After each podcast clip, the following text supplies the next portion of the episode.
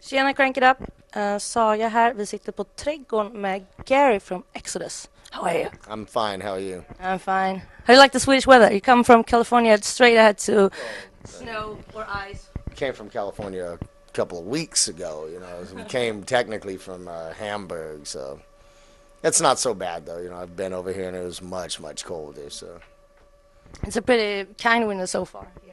I'm sorry. It's a pretty kind winter here so far. Yeah, yeah. It just gets dark so damn early. You know, I'm not used to that.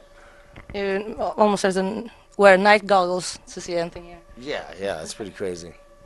No sunglasses for the rock stars. None, none at all. Haven't needed them.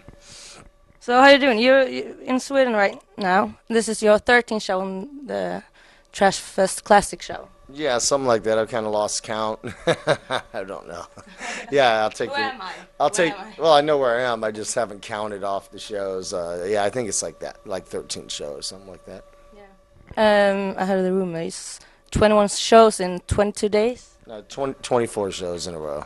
Oh, that's a hard schedule. Yeah, it is. It's not easy, but you know, gets me home sooner, I guess, than you know putting a bunch of days off in the middle of there. So I'll just grind it out. You know, What do you have time to do when you're on tour? absolutely nothing. Not on a tour like this. You know, it's like not a free s- moment to do anything. So you know, you just play.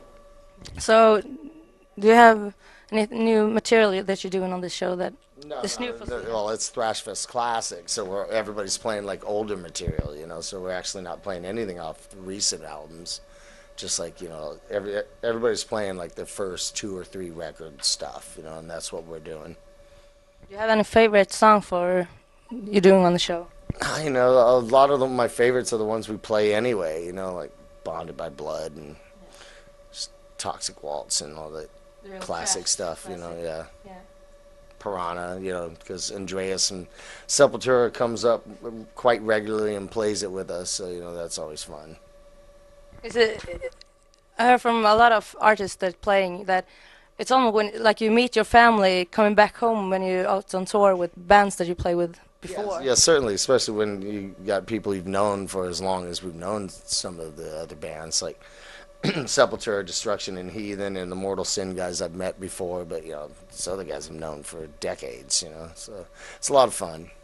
Brother, it's a family reunion. Kind of, yeah, metal family reunion. Is how terrible goes, does that reunion go? I mean, trash metal reunion. It does not sound like happy family Christmas. No, it's probably a drunk family Christmas, you know, with your crazy uncle, you know. Do you have any Special special? one over at the house, but he shows up anyway. You know. And then- and then you have like what twenty drunk uh, uncle you don't want in the house. Yeah, but you know, with the schedule that we're keeping, you know, uh, you know, like some, like myself in particular, I've cut my drinking down a whole lot just 'cause, you know, no time to recover. You know, hangovers suck when you're playing 24 shows in a row. That can be a bitch.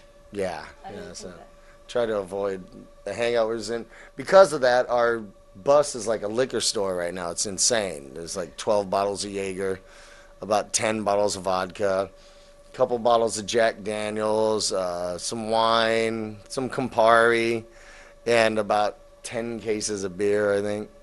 And we're doing our part to try to finish some of it, but every day we get two more bottles of Jägermeister, two more bottles of vodka, and another like four cases of beer or some shit, you know. So But then you have an awesome party when you get home.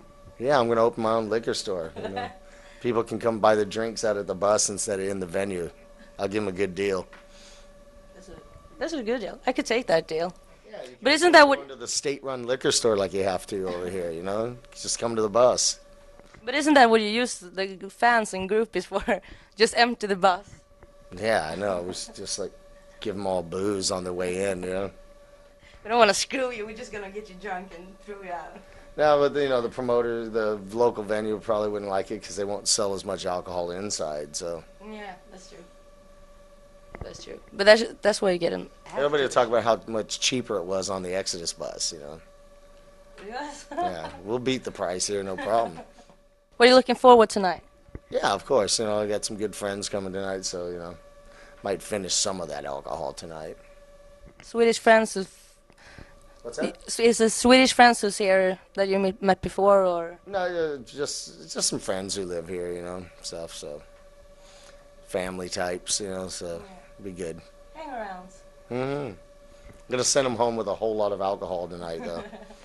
Say, take it. Come on, we'll never finish it. It just ke- keeps growing. It won't stop. It's like a like a monster, you know. So now I know who I should be friends with.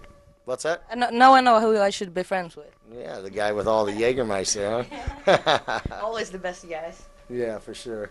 And vodka and everything else in between. So How much excited are you to, for the show tonight? very, you know, just had a nap, so I'm ready to rock. Very rock. How hard are you gonna rock? Very.